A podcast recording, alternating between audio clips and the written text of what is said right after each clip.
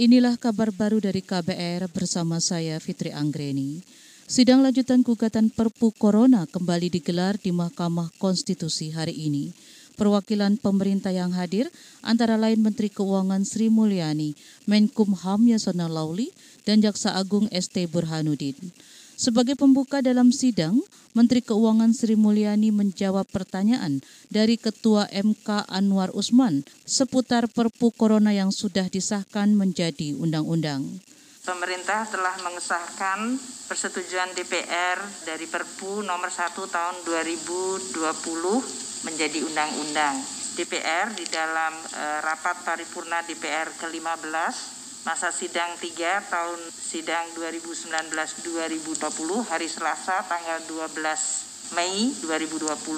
Sebelumnya, Masyarakat Anti Korupsi Indonesia Maki, Din Samsyudin dan Amin Rais menggugat Perpu Corona ke Mahkamah Konstitusi.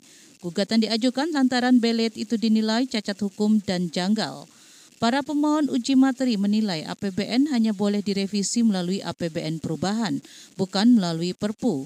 Selain itu, pemohon menyebut COVID-19 tidak termasuk kegentingan memaksa. Hal lain yang disorot adalah soal imunitas hukum pemerintah dan anggota Komite Stabilitas Sistem Keuangan KSSK.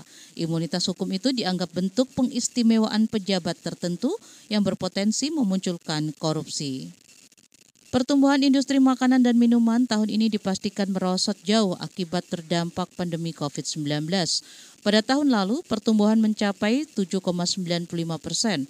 Tahun ini diperkirakan tumbuh 4-5 persen.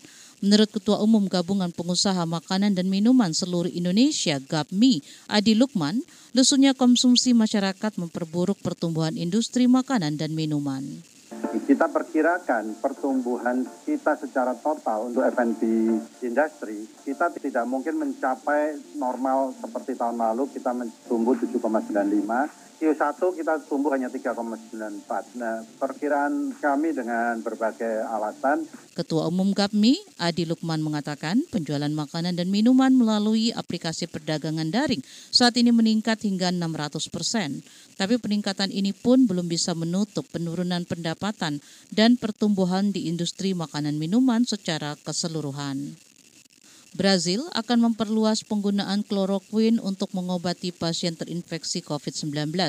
Presiden Brazil Jair Bolsonaro mengatakan Kementerian Kesehatan segera merilis protokol baru yang memperluas rekomendasi penggunaan kloroquine.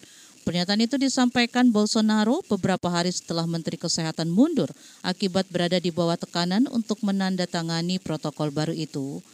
Eduardo Pazuello, seorang jenderal angkatan darat ditunjuk menjadi Menteri Kesehatan sementara. Bolsonaro sendiri mengaku menyimpan satu dus obat anti malaria kloroquine sebagai antisipasi jika suatu saat ibunya yang berusia 93 tahun membutuhkan obat tersebut. Hal ini ia lakukan merujuk kepada Presiden Amerika Serikat Donald Trump yang mengkonsumsi kloroquine sebagai pencegah COVID-19. Demikian kabar baru dari KBR, saya Fitri Anggreni, salam.